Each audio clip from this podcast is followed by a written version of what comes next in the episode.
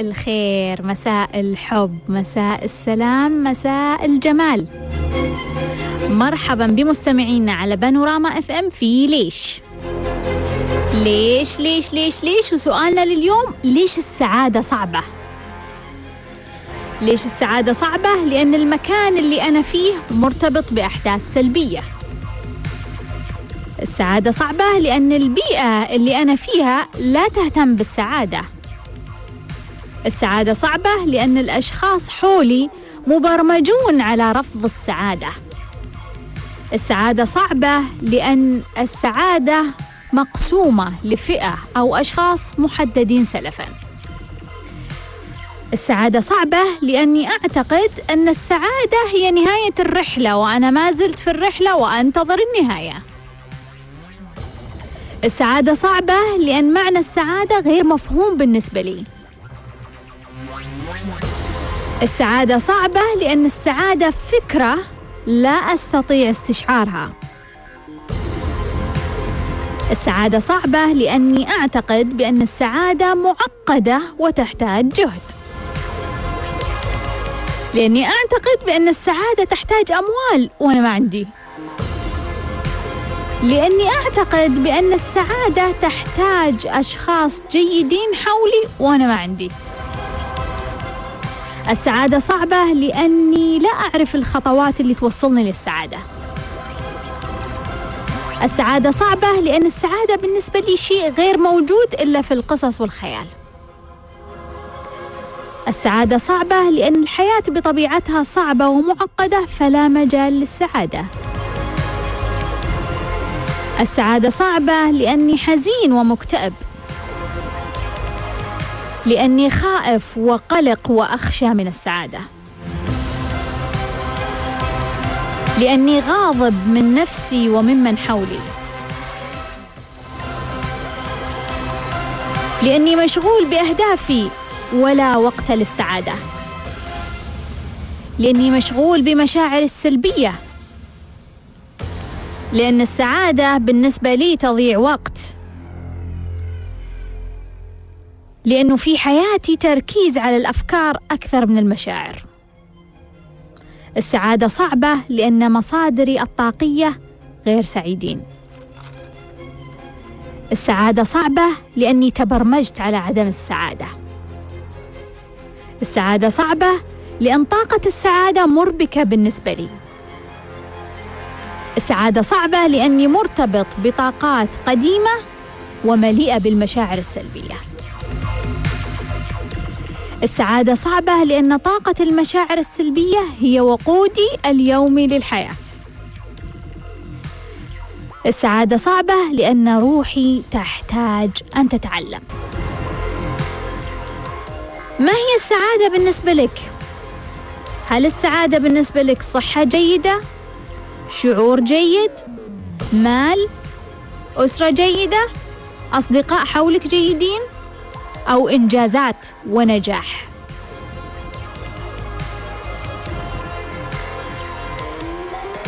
هل الزواج يجلب السعادة؟ هل مزيد من المال في حياتك يجلب السعادة؟ هل ال social media يا جماعة تجلب لنا السعادة؟ هل تعرف ما هي سلوكيات السعادة اللي المفروض تسويها لما تحتاج السعادة؟ تعرف تسوي تأمل يوغا تروح تاكل شوكليت تفتح فيديو كوميدي ولا لما تحس نفسك حزين تروح تدور لك أغنية تحزنك زيادة. تروح تدور لك شخص تتضارب معاه عشان تدهور زيادة. تروح تدور لك ألم زيادة. في جامعة أمريكية وضعوا مادة للسعادة وتفاجأوا الحصة مرتين في الأسبوع وتفاجأوا أنه طالب من كل أربعة طلاب سجل في هذه المادة. اعتبروا أنه فصل السعادة أكبر فصل دراسي في تاريخ الجامعة. منذ فتحت الجامعة هذا أكبر فصل دراسي.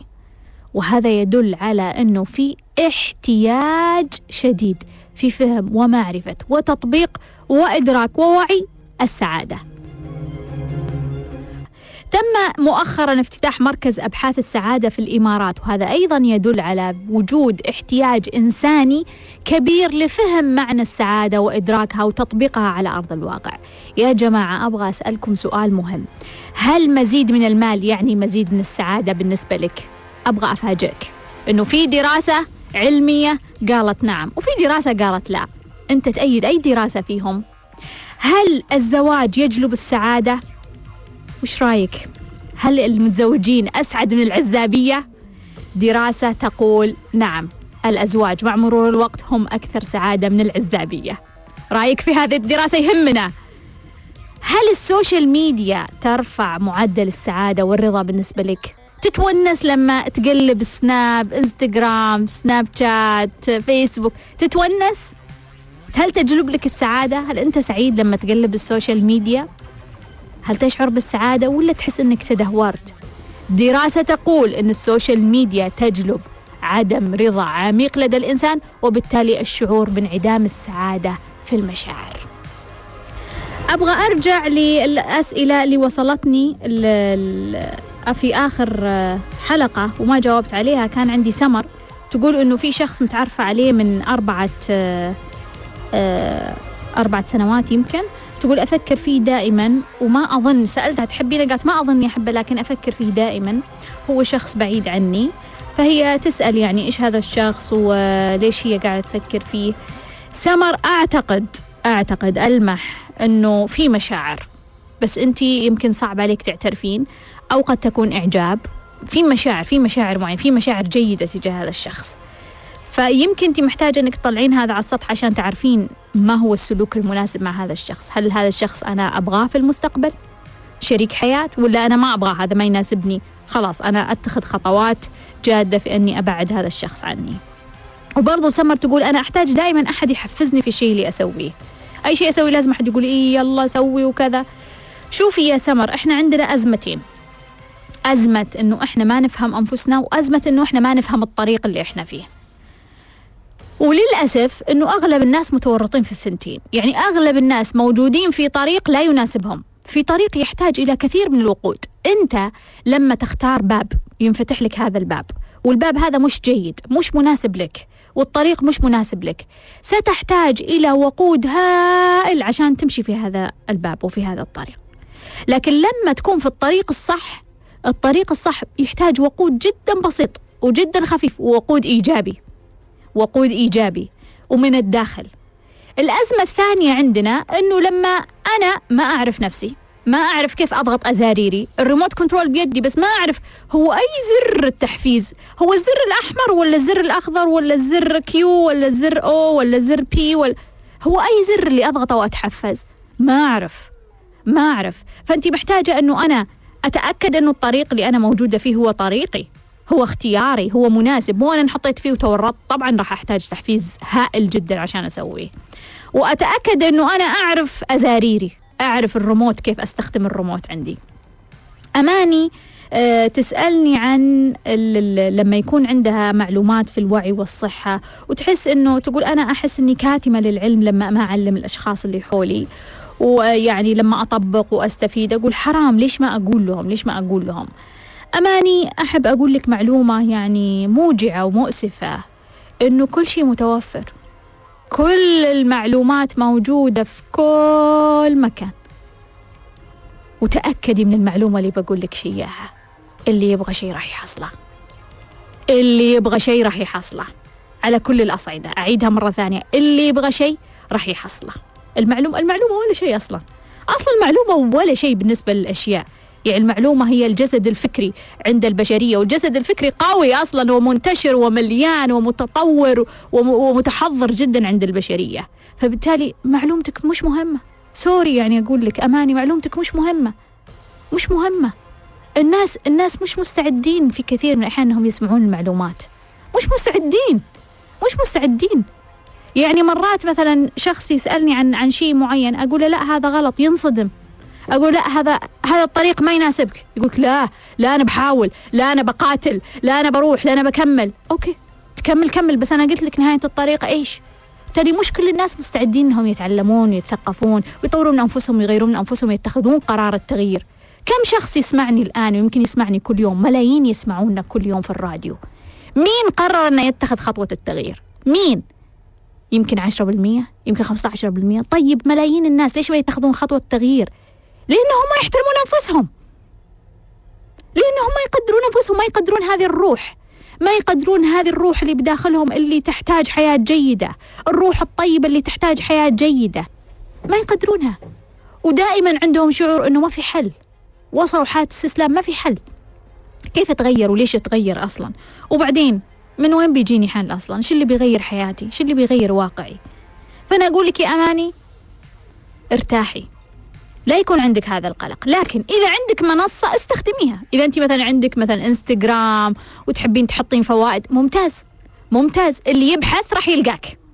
اللي يبحث راح يلقاك. لكن واحد عندك في المجتمع أختك أخوك صديقك تروحين تلاحقينهم ويا أخي تعلموا يا أخي ادرسوا يا أخي بقول لكم معلومة مهمة ترى تطور حياتكم. مش مهتمين. أصلا يسمعونها ويطلعونها. وأخاف أخاف يا أماني أنا أخاف إنه الرسالة تصل وتكون عليها عقوبة الرسالة كارمة الرسالة. اللي وصلت اللي وصلت الرسالة مو مثل اللي ما وصلته. اللي نايم مو مثل اللي صاحي. اللي نايم نايم ما يتحاسب حسبة الصاحي. اللي وصلت الرسالة ما يتحاسب حسبة اللي ما وصلت الرسالة. فلا تورطي الناس مو قدها. لا تعطي الناس معلومات مو قدها. برضو تسألني على الكورسات اللي عندي على موضوع الكورسات الوعي واللاوعي. عندنا إحنا course الوعي الطفولي و course ال Soul Detox ومجموعة package اللي هي المشاعر الخوف والغضب والتأنيب والثقة بالنفس.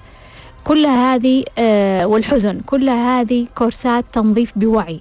بمعنى أن نعطيك تطبيقات وتمارين أنك تغيرها بوعي تغير نفسك بوعي. وفي عندنا التنفس والموسيقى التحولية هذه تغيير بدون وعي تشتغل مع العقل اللاواعي. إيش المفروض نحن نسوي؟ المفروض نسوي اثنين. لأنه في أشياء إحنا نعرفها عن أنفسنا. أنا أعرف عن نفسي إنه أنا مريت بأزمات صحية في الطفولة. أعرف. واضحة بالنسبة لي. وأعرف إنه أنا تأثرت فيها. وأعرف إني يعني مشاعري تلخبطت فيها. وصارت عندي فوضى من الأفكار والمشاعر منها. فأعرف لما أنظف نفسي أعرف وش الأشياء اللي أنا أتألم منها. لكن أكيد في أشياء مرت علي في الطفولة أنا ما أتذكرها ولا أعرفها. يمكن في شخص قال لي كلمة سيئة وأنا عمري أربع سنوات. ما أتذكرها والكلمة يعني مو كبيرة مرة بس توجع. ما أتذكرها. فبالتالي التطبيقات اللاواعي هي اللي تساعد على التنظيف اللاواعي. أماني برضو تسأل عن فكرة تأخير الجذب إلى ما بعد التنظيف سواء كان بالتنفس أو بكل أشكال التنظيف. أنا أؤيد هذه الفكرة. لأنه الشخص لما يجذب وهو متلخبط الآن الآن اللي يسمعوني لما أنت تجذب شيء تطلب شيء تقول أبغى الوظيفة الفلانية أبغى الزوجة الفلانية أبغى الزوج الفلاني أبغى الهدف الفلاني أبغى النجاح الفلاني أبغى الإنجاز الفلاني وأنت مليان طاقة سلبية راح تجذب الشبيه السلبي اللي يساوي هذه الطاقة اللي عندك اللخبطة اللي عندك راح تجذب مثلها. الحياة مراية الحياة انعكاس لك. راح تجذب كل الأشياء السلبية اللي أنت قاعد تفكر فيها طوال الوقت. مؤكد. لكن إذا نظفت ورتبت الداخل رتبت الملفات اللي جواتك والمكتبة المحيوسة والمعفوسة اللي جوا راسك رتبتها ونظفتها ذاك الوقت لما تجذب شيء أنت تكون طاقتك إيجابية. تجذب أشياء تناسب هذه الطاقة الإيجابية. وخلونا ناخذ اتصال. مرحبا. إزيك يا دكتورة؟ أهلا وسهلا مين معاي؟ كيفك؟ إن شاء الله أنت كويسة. الحمد لله بخير وعافية. مين معاي؟ معك هديل. كيف حالك؟ أهلا يا هديل. حبيبتي شرفتيني. كيفك؟ أخبارك؟ والله الحمد لله. سمي آمري. آه ما يمر عليك عدو والله يا دكتورة اليوم أنا متصلة آه أستشيرك في أمر واحد من أبنائي. سمي. أنا عندي أربع أطفال ربنا يحفظهم. ثلاثة بنات وولد. آه البنت رقم ثلاثة فرح عمرها ثمانية سنوات. مم. آه هي المتمردة في البيت على كل حاجة. مم. راسها قوي جدا جدا جدا. طيب مم. آه، طبعا هم الشخصيات بيختلفوا كده وأنا ما حكون عايزه الكل يعني يكون زي بعض. لكن الحاجة التعبانين نفسيا إنه تمرد الآن وصل مرحلة ال- ال- الأكل. يعني هي لما كانت صغيرة كانت بتاكل أي حاجة. بعد ما تمت زي أربع خمس سنوات بقت انتقائية جدا. مم. يعني بتاكل حاجات محددة منتجات الألبان آه، الكاربس زي مثلا الرز المكرونة ال- كذا الجنك فود حق الأطفال لكن ما بتاكل خضروات فبحتال كنت على الموضوع مم. استشرت كان أخصائية تغذيه في الأمر فقالت لي عموما هي ماخذة الحاجات ال- المهمة يمكن بس في نقص شوية في موضوع الفاكهة والخضروات وحاولي إنك يعني أدتني كم حل كده. المشكلة الآن يا دكتورة هي وصلت المرحله إنه حتى الحاجات اللي هي بتحبها والانتقائية فيها دي بدات رافضاها مم. أنا خايفة إنه الموضوع ده يكون موضوع نفسي أكثر مما يكون عضوي لأنه أنا يعني كم مرة يعني كل ست شهور بعمل لها فحص كامل ما في حاجة مم. فانا أنا أنا قريت كثير جدا يعني في إنه نفسية الطفل اللي بيكون في الوسط يعني هي ال- الكبيرة طبعا بتساعدني الولد نمرة اثنين يعتبر آه، صعوبات تعلم عنده فرط حركة وتشتت انتباه. وكمان إحنا مركزين معاه شوية زيادة. آه. الصغير طبعا بيدلع نفسه وهي في الوسط. فجربت إنه أنا أديها اهتمام أكثر وكذا بس ما في فايدة. ما. اعرف أتصرف كيف معايا يا دكتوره والله. خايفة عليها يعني عرفتي؟ مم. ما أكذب عليكي أنا بحس ان هي يعني ورثت مني اسوء صفاتي أوه. مش بيقول الواحد بيولد ذنوبه. مم. فما عارفة قلت أستشيرك. أنت كان كلمتك بموضوع التنظيم وما التنظيم وكنت قلت لي اشتغلي معاهم ايحاءات لمدة 21 يوم. مم. وبدأت أجرب الحاجة دي وشايفاها جايبة نتيجة. مم. هل بعدين هي فيري سمارت يا دكتورة؟ ذكية يعني. من نوع اللي أنا قدر ما ألف وأدور وأحاول مثلا يعني أغريها بحاجة ولا بكذا. ما في فايدة. ما في فايدة. إيه. يعني زي كأنها ما زالت يعني يعني كأنها بتقول لي bring it on انت عندك شنو يعني؟ أنا اي أي محاولة أي تصرف منك أنا جاهزة بان أنا أرفضه أو افشله ليكي. إيه. طيب أقول لك يا هدير حبيبتي شرفتيني. شكرا جزيلا. خلونا ناخذ اتصال. مرحبا. ألو السلام عليكم. وعليكم السلام. أهلا وسهلا مين معاي؟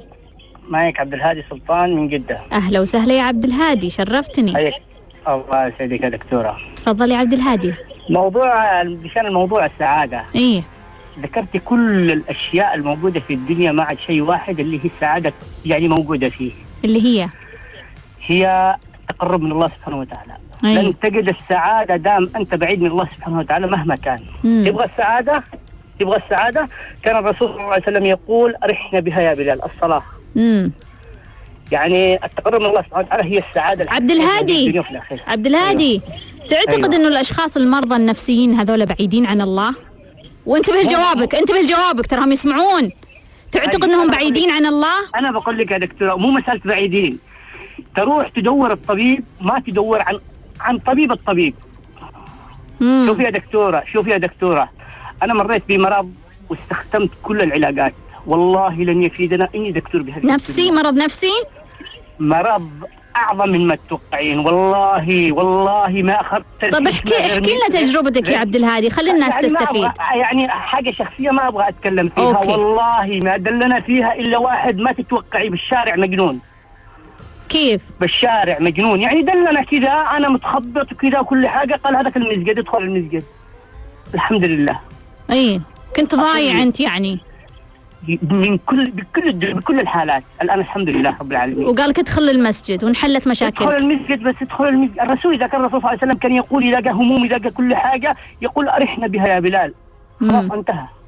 مم. فالسعادة الحقيقية هي في التقرب لله سبحانه وتعالى. صح إنه المال لا يمنع أن يجيب نوع من السعادة الزواج كذلك.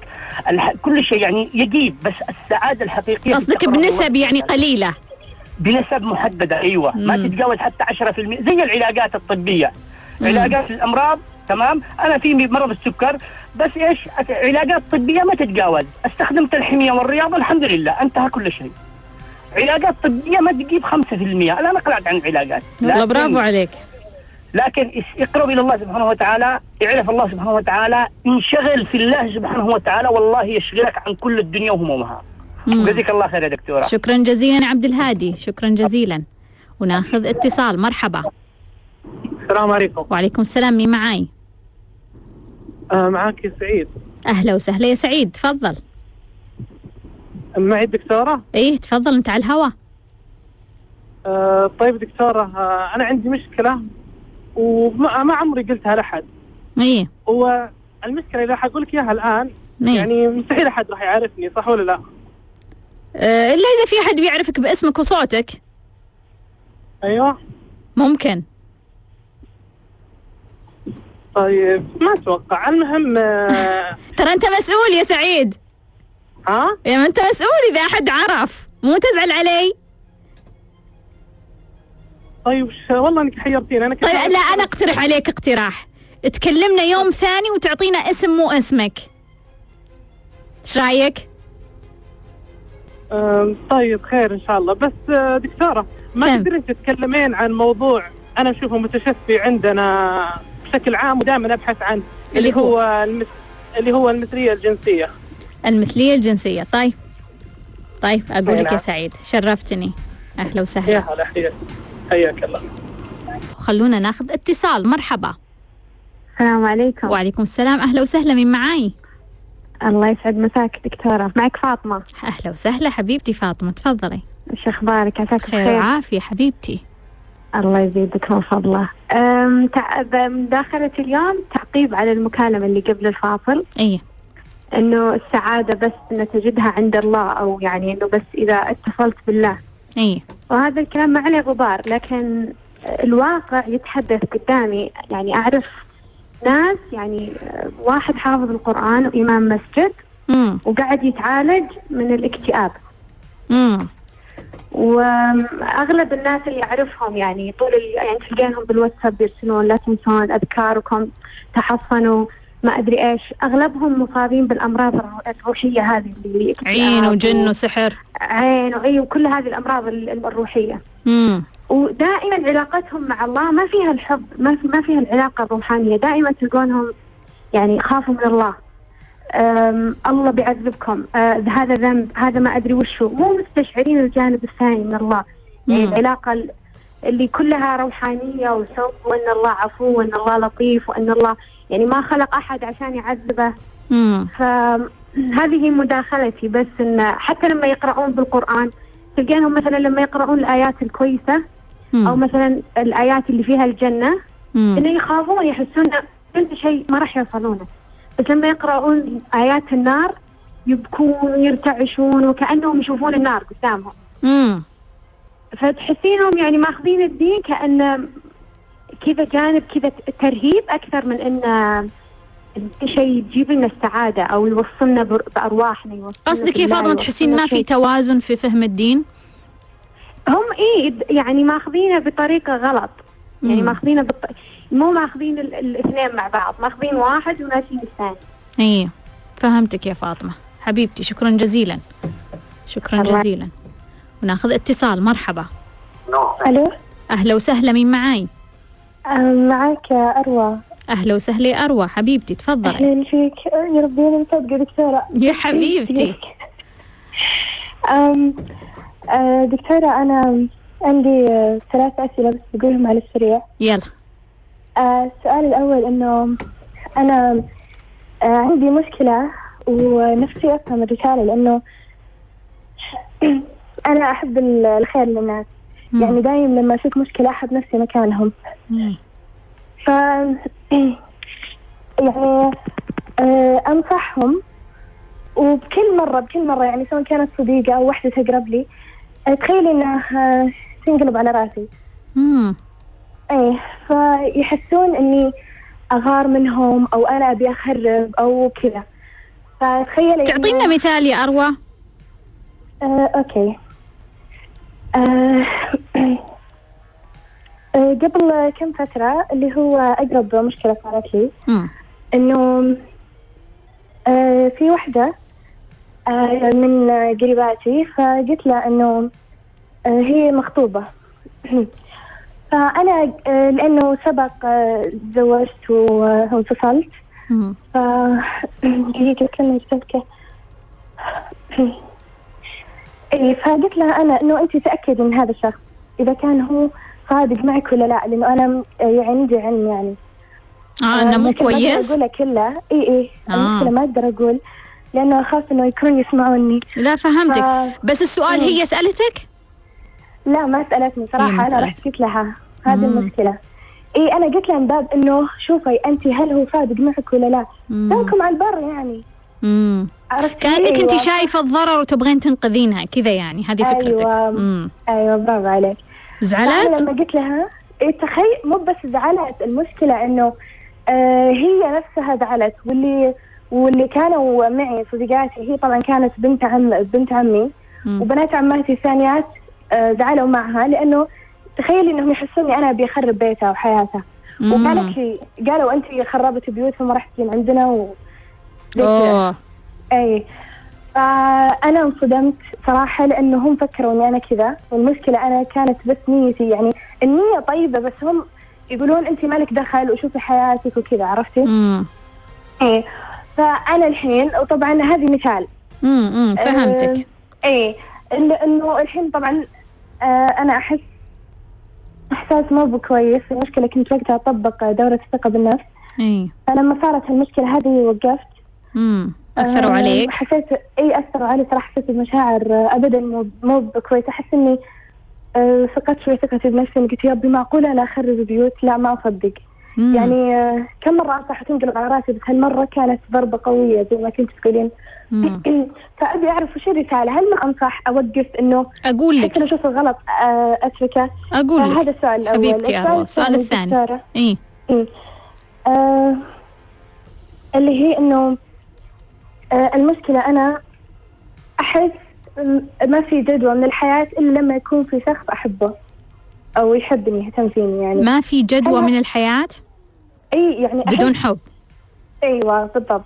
وحتى بالمصفة القيم حقتي آه أعلى قيمة آه السلام بعدين الحب تحته على طول يعني حتى قبل العائلة آه، إيه. الحب أعلى طيب قولي لي الحب هذا تقصدين فيه هو حب يعني مع رجل ولا حب يعني امي تحبني أو حب يعني وش وش وصفك له؟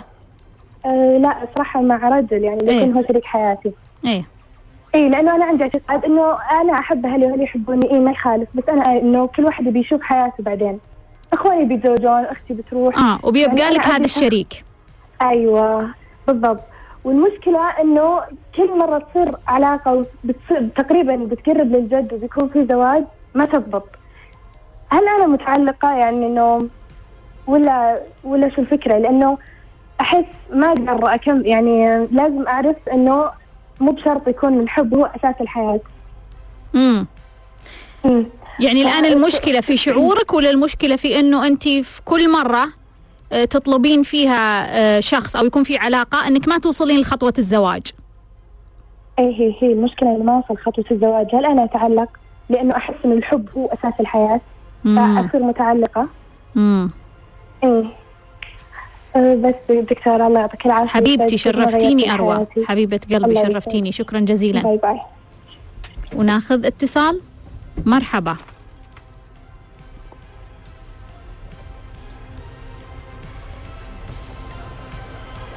مرحبا. ألو السلام عليكم. وعليكم السلام. أهلا وسهلا. مين معاي؟ مساء الخير. مساء النور. أهلا وسهلا. مين معاي؟ أهلا وسهلا. أنا صراحة شدني الموضوع عن السعادة. الله يحييك. مين معاي؟ معك علي أحمد. يا حي الله. علي تفضل. سم. آه بالنسبة لل كرت السؤال عن السعادة أنا طبعا بحثت عن الموضوع هذا لي أكثر من ثمان سنين. عجيب. مهتم. مهتم جدا في الموضوع هذا. وش السبب؟ وش سبب اهتمامك؟ كنت أعتقد يعني يعني عشان أعيش حياة يعني مثالية يعني. تبغى تفهم وش السعادة؟ إيه لكن ما وجدت. في الأخير إن السعادة هي الشعور بالرضا في الحال اللي أنت عليه. إيه. هذا بالنسبة لل هذا اللي وصلت له الشعور بالرضا. هذا الشعور بالرضا في حالك اللي أنت عليها. امم في كل الحالتين يعني في الفرح ولا الحزن تكون راضي تماما يعني. امم وبالنسبة عجبني يعني تشبيهك للإنسان مثل ترتيب الملفات. شبهتيه كانه حاسب أو إن يكون كل إنسان له يعني بذاته نظام تشغيل معين. إيه. صحيح من ناحية إنه يرتب الملفات امم ويعطي أوامر يعطي نظام بس علي أنا لفت انتباهي لأنه تعرف أغلب الناس يعني من الصعب إنهم يبحثون عن عن فكرة السعادة ويقول لك وش السعادة؟ كيف أكون سعيد؟ يعني هل صارت لك مشكلة أو كنت في أزمة أو كنت في مصيبة؟ ليش قررت تبحث عن السعادة؟ والله ما في أي مشكلة فضول فضول الفضول يعني لا إيه. أقل ولا أكثر أنا إيه أشوف إنه يعني أشياء غير يعني ما ما هي ملموس. السعادة غير ملموس والشقاء غير ملموس يعني. كل اي الحالتين راح تعيشها في حياتك يعني. راح تمر. راح تمر راح تمر. راح تمر. أحيانا كذا واحيانا كذا. اي والله كلام جميل يا علي. لكي لا تفرحوا على ما فاتكم ها؟ اي ولا هو نفس الآية يعني. امم الإنسان يعني معرض مرة كذا ومرة كذا. اي شرفتني علي. لك والله. شكرا شكراً جزيلاً، يعني شرفتني. شكرا جزيلا. شكراً الله يحفظك. Bye. Bye. وناخذ اتصال. مرحبا. شكرا جزيلا. مرحبا. هلا دكتورة يعطيك العافية. الله يعافيك. مين معاي؟ آه معك خالد الشريف. أول شيء هل تقبلين النقد ولا أدخل في الموضوع مباشرة؟ لا أنا ما أقبل النقد أقبل الرأي الآخر. يعني إذا عندك آراء قل آرائك عادي. إحنا نستقبل طيب، كل الآراء. أرجوك أرجوك دكتورة الله يوفقك. آه آه، وقف الموضوع ال- مم، آه مم، آه ال- المستمع شوي يتضايق ليش؟ سامحيني أنا أزعجتك أنا أزعجتك بالكلمة دي لكن من قلبي يعني أنت بتنصحينا وإحنا كمان يعني لنا دور إن ننصحك مم. الطريقة هذه تحسس ال- المس- المستمع لك أو المتكلم معك نخلص يلا يلا انتهي آه انهي كلامك أفا حسيت بكذا أنت؟ والله يا دكتورة معقولة؟ معقولة حتى المستمعين أنا حسوا بهالطريقة؟ أنا أنا غلطان لكن أتوقع في جزء من الناس تحس بنفس السالفه لا أبد. والله ما أقصد ترى أبدا إني أقول للشخص يلا يلا بسرعة خلص علينا. بالعكس الأسئلة مهمة ومثرية. لأنك راقية جدا. وما تقصدي أنا قلت الكلام هذا. أنا عارف. طيب يا خالد شكرا جزيلا على على كلامك هذا. يا رب يسعدك. مداخلتي البسيطه بس بخصوص سم. السعادة. سم. بالنسبة لي. ما في أجمل ولا أروع ولا ألذ الحياة من العطاء. العطاء. يعني آه، العطاء يا أخي لما الواحد يعطي لزوجته يعطي لأبوه يعطي العطاء ممكن يكون كلمة ممكن يكون هدية ممكن يكون ضحكة ممكن تكون ابتسامة ممكن تكون آه، آه، الموظفين اللي هم دون دون عني أو أقل مني إني أنا أحفزهم دائما. والله برافو عليك. قد يكون اشتغل كلام فاضي أو شيء بسيط جدا. أي. لكن مجرد الكلمة الحلوة آه راح تفرحه. وما راح أكثر كلام أعطي فرصة لغيري. أنا آسف من جديد إذا ضايقتك يا دكتورة وإن شاء الله أكون صديق دائم للبرنامج. الله يحييك يا خالد شرفتني شكرا. جزيلا شكرا. جزيلا ما قصرت. وناخذ اتصال مرحبا. مرحبا. مرحبا. ألو السلام عليكم. وعليكم السلام. أهلا وسهلا مين معاي؟ آه معك نورة. أهلا وسهلا يا نورة حبيبتي سمي. أنا مرة سعيدة إن أنا معك آه دكتورة يا حبيبتي وأنا آه. أسعد سمي يا آه أنا نوره عندي أنا عندي سؤال آه خارج يعني موضوع الحلقة. صراحة ما شفت موضوع الحلقة بس إني حابة أتواصل معاكي. يلا. آه سؤالي هو آم، إني أنا يعني قبل يمكن خمس سنين آه، كان آه، حبيت أحصل على دخل مادي وكان عندي يعني سلسلة من التجارب والمشاريع يعني. مم. وكلها ما استمريت فيها وكل هدفي منها الحصول على المال. مم. آه، طبعا أنا آه، يمكن العام قررت آه، إني أوقف هذا الباب. وأنا متزوجة وعندي أطفال وقررت إني أصرف يعني وقتي ونظري على أطفالي وقفلت آه، موضوع المشاريع. بعدها جاتني فرصة آه، إنه عمل من المنزل واستمريت فيه وظيفة. يعني؟ وظيفة؟ إيوه يعني مشروع منزلي من البيت. مشروع لك انت ولا موظفة في مكان في مشروع؟ آه يعني هو مشروع يعني لزوجي وأنا بشتغل فيه والدخل بيجيني أنا. إي. فالآن أنا لي سنة وبس إني ماني حاسة يعني الموضوع يعني ماني حاسة الموضوع فيه تطور جاك فلوس. ولا ما جاك فلوس؟ إلا جاني فلوس. طيب. بس يعني جاني جاني شيء بسيط. ما آه. أحس يعني كنتي متوقعة يعني ما- شيء أكبر أو منتظرة شيء أكبر؟ أنا يعني إيه منتظرة شيء أكبر ومنتظرة يعني شيء أقدم فيه أكثر. يعني الآن عندي فرصة إني أنا أطور المشروع بس أحس إني ما لي أطوره بشكل أكبر بس أحس إني ما أقدر أستمر فيه أحس إنه يعني بي... بيجي على حساب أطفالي وأولادي اي طيب وش وش النقطة اللي الآن أنت محتارة فيها أو تسألين عنها؟ آه محتارة فيها إنه التحقت في مركز أنا يعني تطوع. وفي يعني يعني فكرت إني أترك المشروع و يعني أنمي نفسي وأطور نفسي إني أكون مدربة للأطفال.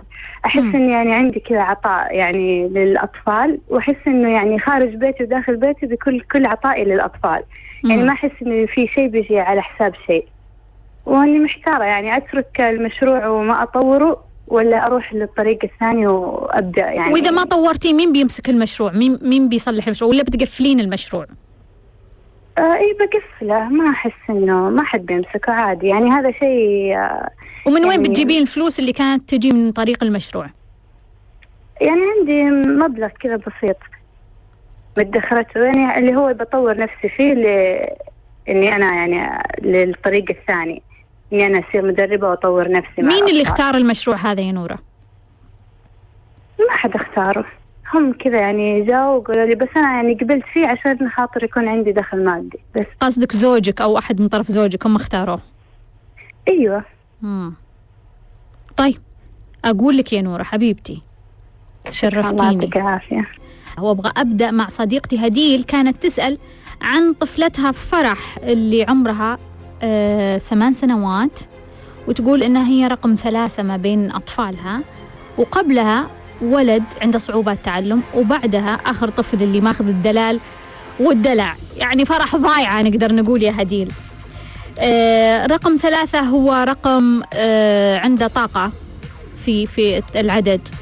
فغالبا الطفل رقم ثلاثة عنده تحديات. الطفل رقم ثلاثة عنده تحديات الطفل رقم ستة عنده تحديات والطفل رقم تسعة عنده تحديات.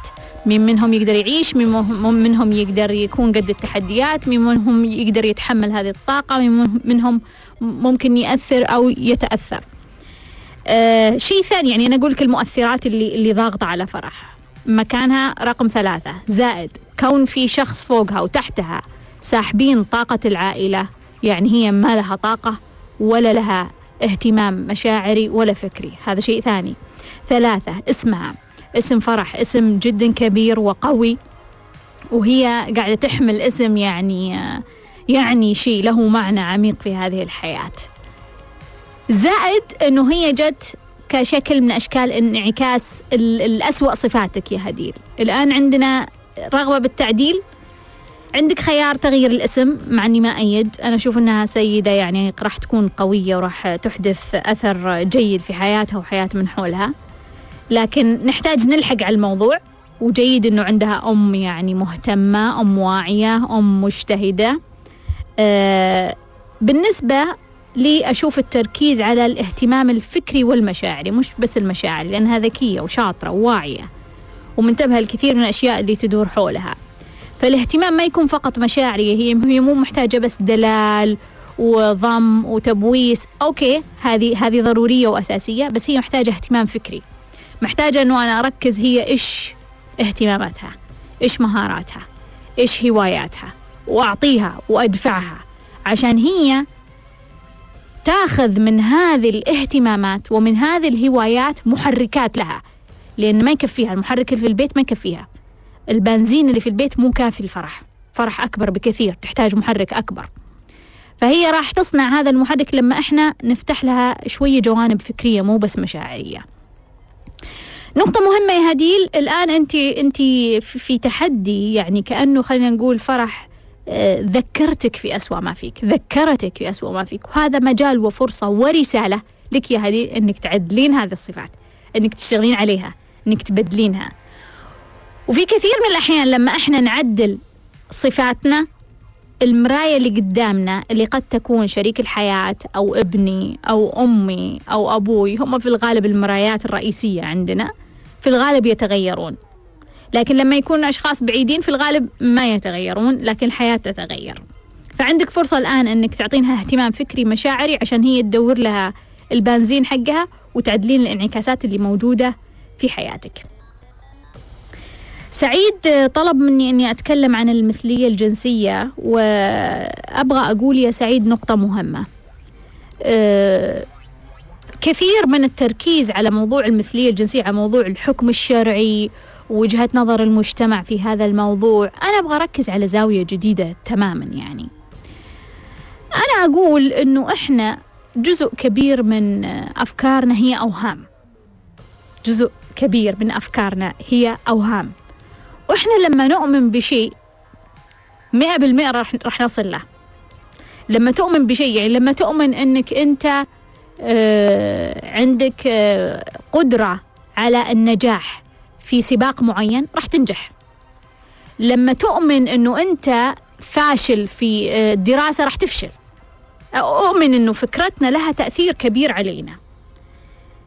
زاوية أخرى أؤمن أيضا إنه الغذاء والأكل اللي طوال الوقت إحنا ناكله إنه يأثر على كل شيء في مشاعرنا في مشاعرنا. فالمثلية الجنسية هي مش مادة.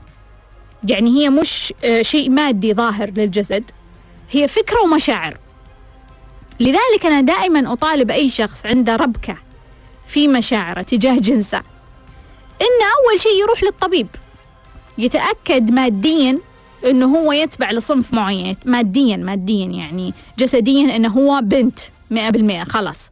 أو إنه هو ولد 100% خلاص. فأنا تأكدت على المستوى المادي إني أنا بنت أو ولد طيب خلونا ننتقل لمستوى آخر. المستوى الفكري. هل أنا تفكيري بنت أو ولد؟ طيب من وين جت هذه الفكرة؟ وليش جت هذه الفكرة؟ وهل هذه الفكرة أنا أخذتها من أحد أو أحد زرعها فيني؟ من وين هذه الفكرة أنا آمنت فيها؟ مشاعريا إيش الأكل اللي أنا قاعد أكله ويلخبط علي هرموناتي ويلخبط علي مشاعري؟ أتمنى أني أني وصلت إلى جزء من الشيء اللي أنت تبغى توصل له يا سعد. بمعنى أنه أنا ما أؤمن ما أؤمن بشكل عام ما أؤمن أنه أنا أقول المشكلة اللي فيني سببها جني بينما أنا عندي فعلا مشكلة واضحة قدامي. يعني مثلا تضاربت أنا ومديري في العمل. قال لي كلام قلت له ما راح أسوي هذا الشغل. قال لي بنفصل. قلت أفصلني. بعدين أقول آه أكيد حتسوى لي سحر. فأنا ما أؤمن أني أقفز لتحليل السحر مو لأني مش مؤمنة في السحر لأنه بعيد لأنه احتمال بعيد مقارنة بأني أنا طولت صوتي ورفضت العمل. يعني في سبب منطقي تماما منطقي مئة بالمئة. يعني إنه في مشكلة من هذا السبب المنطقي. فليش أنا أروح أقول آه لا أكيد أحد سوالي عين على هذه الوظيفة. أكيد في جني خرب علاقتي مع المدير. أكيد في أحد سوالي سحر وعلاقتي مع المدير ما يكون لا. لا مو ي... ما قصدي إنه ما في سحر وما في عين وما في جن في هذه الحياة. في طاقات سلبية. لكن لكن ليش أقفز الاحتمال بعيد جدا؟ بينما عندي احتمال موجود. بينما عندي احتمال بين يديني. احتمال واضح بين يديني إنه أنا تضاربت مع مديري. هذا هو السبب اللي انفصلت عليه. أنا رفضت أدي العمل عشان كذا أنا انفصلت على هذا السبب. فنفس الشيء لما أنا أناقش المثلية الجنسية ما أبغى أروح بعيد أبغى أروح للاحتمالات اللي عندي. هل أنت كشخص اشتغلت على أفكارك؟ عدلت أكلك؟ اشتغلت على مشاعرك؟ هل تعرف إنه الأكل إنه في أكل معين؟ وإن شاء الله أحاول بإذن الله أني أستضيف أشخاص متخصصين يساعدوننا في الرؤية حول هذا الأمر. تعرف أنه في أكل معين ممكن يزيد عندك هرمون الأنوثة؟ وممكن عند البنت في أكل معين يزيد هرمون الذكورة. فلما يزيد عندي هذا الهرمون زائد أنه أنا أصلا عندي سلوكيات وعندي أفكار وش بصير؟ طبيعي أني أنا أتجه اتجاه آخر. فليش أنا أفترض فرضية بعيدة إنه oh okay أنا أنا بهذا الشكل أو أنا بهذه الصيغة. ما أقدر أروح للاحتمال البعيد وأنا ما طبقت الاحتمال القريب. يعني أنا أحتاج إنسان قال أنا سويت وسويت وسويت وسويت وسويت وما تغيرت. أنا أحتاج إنسان جاد هو عنده أزمة في المثلية.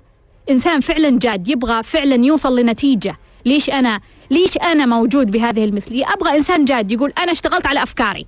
أنا اشتغلت على مشاعري. أنا عدلت أكلي. أنا سويت تحاليل وعدلت أكلي وعدلت الفيتامينات والمعادن المضروبة عندي. ووصلت لنتيجة أنه أنا ما تغيرت. أنا أبغى أشوف هذا الشخص. عشان وقتها ممكن نتناقش بالاحتمالات البعيدة. بس ما دام عندنا أسباب قريبة مننا ما دام إحنا نعرف أنه أي شيء تؤمن فيه يحصل أي فكرة أحد يزرعها فيك راح تشتغل خصوصا لما تكون طفل خصوصا لما تكون عندك مخلفات من الطفولة ما عدلناها خصوصا حالات الاغتصاب والتحرش اللي تمر في الطفولة ولا نعدلها ونغمض عنها ونسوي نفسنا ما شفناها خصوصا لما يكون عندي أكل متلخبط ونسوي نفسنا عادي أكل زي زي كل الناس. لا تحكم على الناس. لا تحكم ليش فلان ما صار لو أنا صار لي. كل إنسان تحدث له نفس الظروف. قد نكون إحنا إخوان. خمسة يمكن أو عشرة. حصلتنا نفس الظروف لكن نتائج مختلفة. كل إنسان عنده فلاتر مختلفة عن الثاني. وفي النهاية إيش الزر اللي ينضغط؟ ما ندري. يمكن ثنتين تعرضوا للتحرش وهم صغيرات. واحدة صار عندها مثلية لما كبرت. ثانية لا عادي. ما صار عندها مثلية بس يمكن عندها مشاكل في الزواج. بس. فبالتالي إيش أثر المشاكل على العيلين تختلف من شخص اخر لذلك ما نقدر نقول إنه طب طب كل الناس تعرضوا لهذه الظروف ما صاروا ما وصلوا للنتيجة هذه. لا. يختلف. يختلف. يدخلون الناس اثنين مرضى في المستشفى عندهم نفس درجة المرض واحد يموت وواحد يطلع سليم. ليش؟ لأنه الفكرة تختلف من جوا المشاعر تختلف من جوا برمجة الجسد تختلف من جوا خلايانا وتأثير أفكارنا على خلايانا تختلف من جوا. لذلك يا سعيد أنا أبغى أقول لك خلنا نشوف الأسباب القريبة. أنت روح طيبة تستحق حياة طيبة أنت إنسان جيد. تستحق أنه أنت تحاول. تستحق أنه أنت تنتبه للأسباب القريبة. أروى تقول آه أنها تزوجت وانفصلت وبعدين هي تحب الخير للناس تحب تنصحهم. لكن في كل مرة أروى على نواياها الجيدة تنقلب الأمور رأسا على عقب ويقول لها ناس أنت تغارين وأنت تبغين تخربين بيننا على سبيل المثال قريبتها مخطوبة وتعرف أنه أنه الرجال هذا يعني تعبان. فأروى يعني راحت قالت لها أنت تأكدي يعني تأكدي من الموضوع إذا هو صادق. فهم زعلوا عليها وال يعني مجموعة قالوا أنت تخربين. أحب أقول لكم أروى ما ما تبغى تخرب لا. أروى صادقة وعندها تجربة وما هي خرابة بيوت. أروى انتبهي أنه أنت تصدقين كلام الناس عنك. هذه جزئية مهمة أهم من أقول لك وش الرسالة. انتبهي تصدقين كلام الناس عنك. يا جماعة أبغى أقول أروى لكل شخص يسمعني. انتبه تصدق كلام الناس عنك أو معتقد الناس عنك وتؤمن فيه. أروى الرسالة تقول لك لا تقولين لحد ما سألك. لا تعطين أحد رأي بدون ما يسألك. لا تقولين لأحد وجهة نظرك وهو ما سألك. إذا أحد جاء وسألك عطيه بكل حقيقة وكوني صادقة وكوني أمينة. إذا أحد ما سألك مالك حق. الأمر بالمعروف والنهي عن المنكر أنه أنت تشوفين والله أنا طلعت بتجربة التجربة هذه تستحق الذكرى وأنا أقدر أساعد فيها الناس. أوكي. أفتحي تويتر يمكن حتى مو باسمك وتكلمي عن هذه التجربة اللي يبغى يستفيد راح يستفيد. أما إنك تنشبين لكل واحدة تشوفين عليها خطأ تركضين وراها تقول لا ترى هذا غلط أصلا ما راح يسمعونك ولا راح يهتمون حتى لو كنتي صح حتى لو كانت نصيحتك صح الناس ما تبغى تسمع أصلا نصيحة ما تبغى تسمع النصيحة. لكن أنت مسؤولة إنك أنت تقدمين الأشياء اللي تعرفينها في منصة مناسبة. بس ما تطبين على الناس وتزعجينهم. لما أحد يسألك جاوب بصدق وبأمانة. لما ما حد يسألك بلغ بالعموم. بلغ بالعموم. حطوا تحتها مية خط. بلغ بالعموم مالك دخل من الأفراد. أنت مش قاضي. أنت مش حكومة. أنت مش أم وأب عندك مسؤولية. بلغ بالعموم. هذه هي النصيحة. هذا هو الأمر بالمعروف. أروى تقول أنه أحس ما في جدوى من الحياة بدون حب لأن قيمة الحب عندها رقم اثنين في الحياة وهذا يعني أنها قيمة عالية ومؤثرة. فتقول يعني في كل مرة أجلب يجي شريك بعدين في آخر لحظة ينسحب فهل أنا متعلقة؟ جدا. جدا متعلقة. أنت مش متعلقة بقيمة الحب أنت متعلقة بكيمياء الحب. أنت متعلقة بمخدرات الحب. أنت متعلقة بهذه المادة الكيميائية اللي تضرب المخ وتخلي الأجواء وردية. والأجواء يعني إيش؟ فوق السحاب. أعتقد أنك بدأتي العلاقات من سن مبكرة يا أروى وقد يكون هذا ورطك أيضا. لأنه لما نبدأ في سن المراهقة وإحنا ما نضجنا ما نقدر نشوف الحياة بدون حب. عادي يا أروى. يعني مليارات الناس يعيشون كل يوم بدون النظارة الوردية والحياة حلوة. الحياة جميلة وممتعة بدون كيمياء الحب. كيمياء الحب هذه راح تنتهي راح تنتهي يوم من الأيام. لذلك عندك رسالة قبل الزواج تقول لك استعدي إنه كيمياء الحب راح تنتهي قبل ما تورطين في زواجك وينتهي وتتأزمين في زواجك وتعتقدين إنه الدنيا متلخبطة. نورة نورة تقول إنها عندها دخل مادي آه، من التجارب وقررت آه، تسوي مشروع. زوجها آه، عنده فكرة فتحت المشروع اشتغلت من البيت فيه فلوس بسيطة. فتقول في فرصة تطوير المشروع لكن هو ساحبني عن أطفالي وهي الآن متطوعة. وتقول قررت أكون مدربة للأطفال. هل أقفل المشروع أو أني أتجه للتطوير؟